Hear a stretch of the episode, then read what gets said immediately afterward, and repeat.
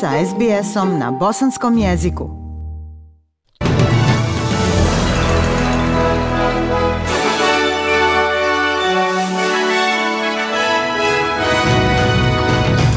U današnjim vijestima poslušajte. U Norveškoj povećana prijetnja terorizmom nakon smrtonosne pucnjave u Oslu. Zagovornici abortusa protestuju na skupovima u Sjedinjenim državama. I u sportu Novaku Đokoviću isključenje iz SAD-a dodatna motivacija za uspjeh na Wimbledonu.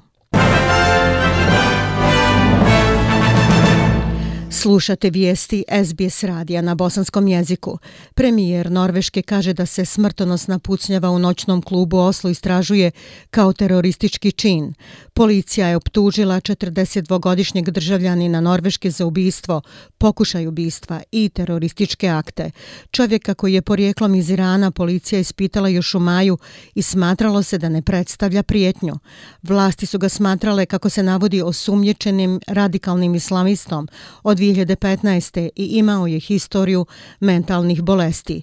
Dvije osobe su poginule, a 21 ranjena u pucnjavi koja je bila usmjerena na gej bar neposredno prije parade ponosa u Oslu. Taj događaj je otkazan po savjetu policije. Premijer Jonas Gar Store kaže da se zajednica LGBT plus radovala Prajdu. We are expected uh, lively and Očekivali smo živu um, i entuzijastičnu paradu na našim ulicama, ljude koji slave Pride nakon tri godine pandemije i drugih zastoja. Umjesto toga imamo mračan dan kada je teror ove noći um, zahvatio Oslo. Sve ukazuje da ovo bio napad ekstremnog islamiste. Ovo je pod istragom, ja ne mogu izvući zaključke iz istrage, ali imamo dvoje ubijenih, 21 ranjenu osobu i mnogo ljudi se boji.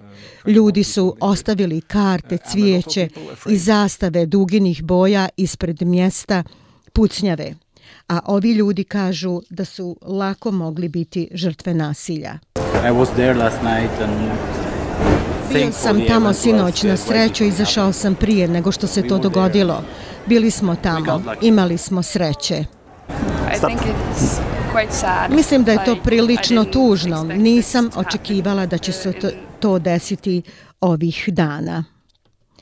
Ukrajinski predsjednik Vladimir Zelenski rekao je da će njegova zemlja ponovno preuzeti kontrolu nad svim gradovima koje je preuzela Rusija, uključujući i Sjeverno Donjeck.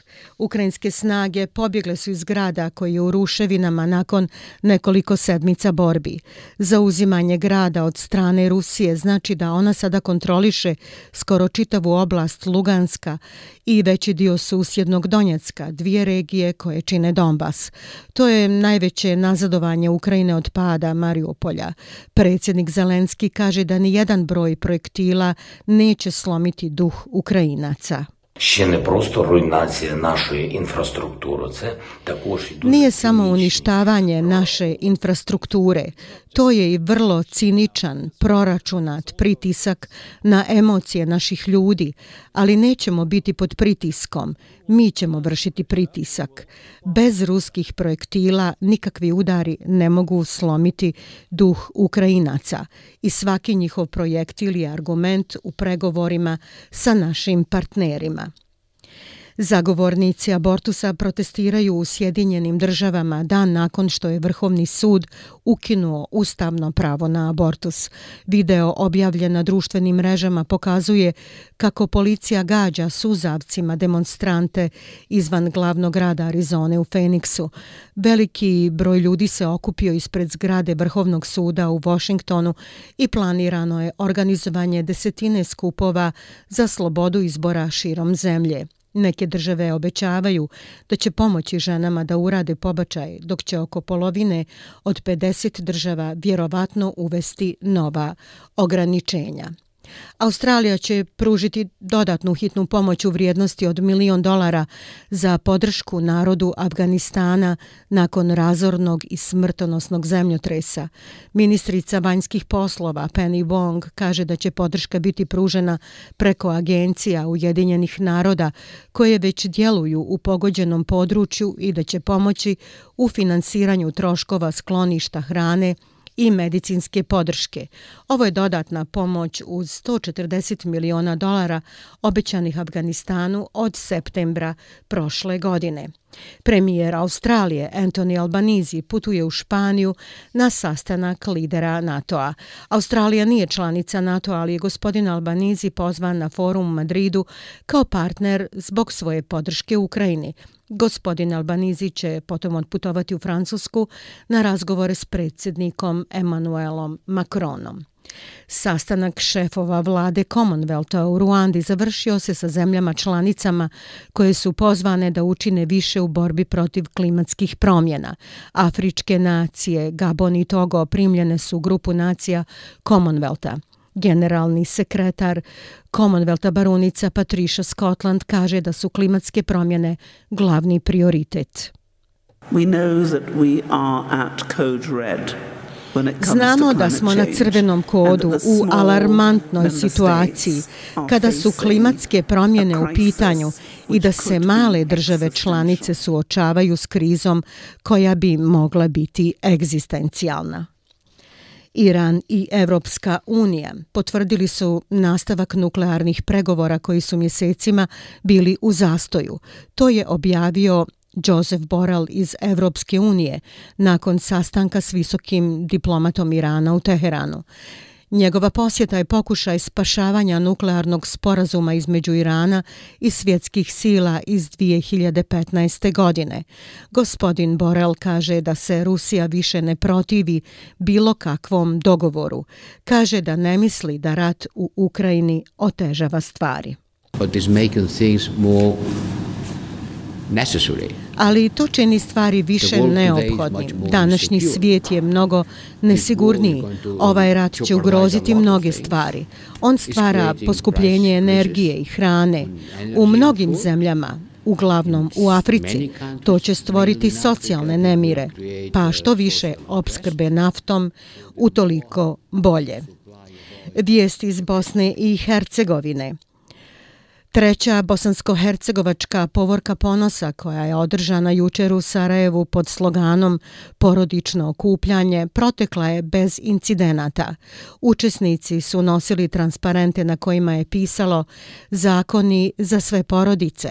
Etikete su za odjeću, nisam kriv što sam kvir, naša ljubav nije grijeh i tako dalje. Više o samom događaju u izvještaju iz Bosne i Hercegovine koji slijedi nakon vijesti.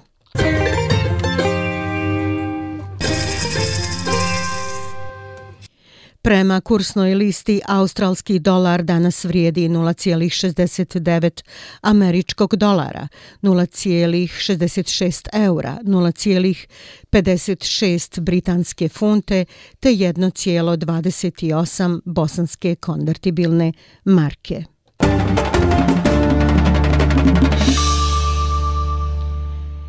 I vijesti iz sporta, Novak Đoković kaže da mu njegovo isključenje iz Sjedinjenih država jer nije vakcinisan protiv COVID-19 služi kao dodatna motivacija za uspjeh u Wimbledonu. 35-godišnji Srbin propustio je Australian Open nakon što je deportovan i neće mu biti dozvoljeno da se takmiči na US Openu zbog statusa vakcinacije. On će osvojiti svoju četvrtu uzastopnu titulu na Wimbledonu. Također, Đoković kaže da može razumjeti frustraciju ukrajinskog naroda prema Rusiji, ali ne misli da su zabrane bjeloruskih igrača poštene. As a child of a war, um, several wars actually during 90s. Kao dijete rata, zapravo nekoliko ratova tokom 90-ih, znam kakav je osjećaj biti u toj poziciji, ali s druge strane ne mogu reći da se u potpunosti slažem sa zabranom igranja ruskih i bjeloruskih tenisera od takmičenja na neodređeno vrijeme. Ne vidim kako su oni doprinijeli nečemu što se zaista dešava. Mislim, osjećam da to nije fair. Molly O'Callaghan osvojila je šest medalja na svjetskom prvenstvu u plivanju u Budimpešti, ali zvijezda Delfina nije mogla dati Australiji još jedan posljednji zlatni uspjeh u bazenu. Australska ženska reprezentacija 4 puta 100 metara mješovito propustila je pobjedu manje od pola sekunde za ostatka za kvartetom pobjedničkog tima SAD-a. Ranije Meg Harris je sjajno završila u trci na 50 metara slobodno, osvojila posljednju individualnu medalju u Australiji u sedmici. Da dodamo da je i najbolja bosansko-hercegovačka plivačica Lana Pudar imala debitanski nastup na seniorskom svjetskom prvenstvu u Budimpešti i ostvarila zapažene rezultate. Uspjela izboriti dva finala. U disciplini 200 metara Delfin zauzela je šesto mjesto, dok je na 100 metara istim stilom bila osma.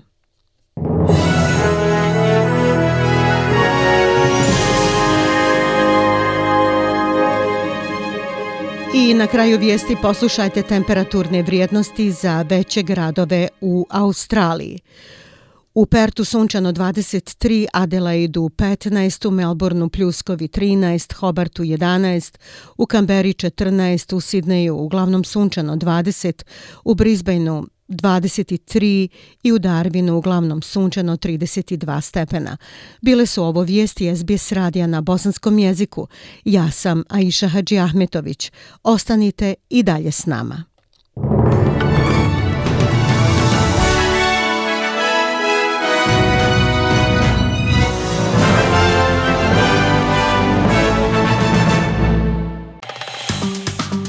Like, share, comment. Pratite SBS Bosnian na Facebooku.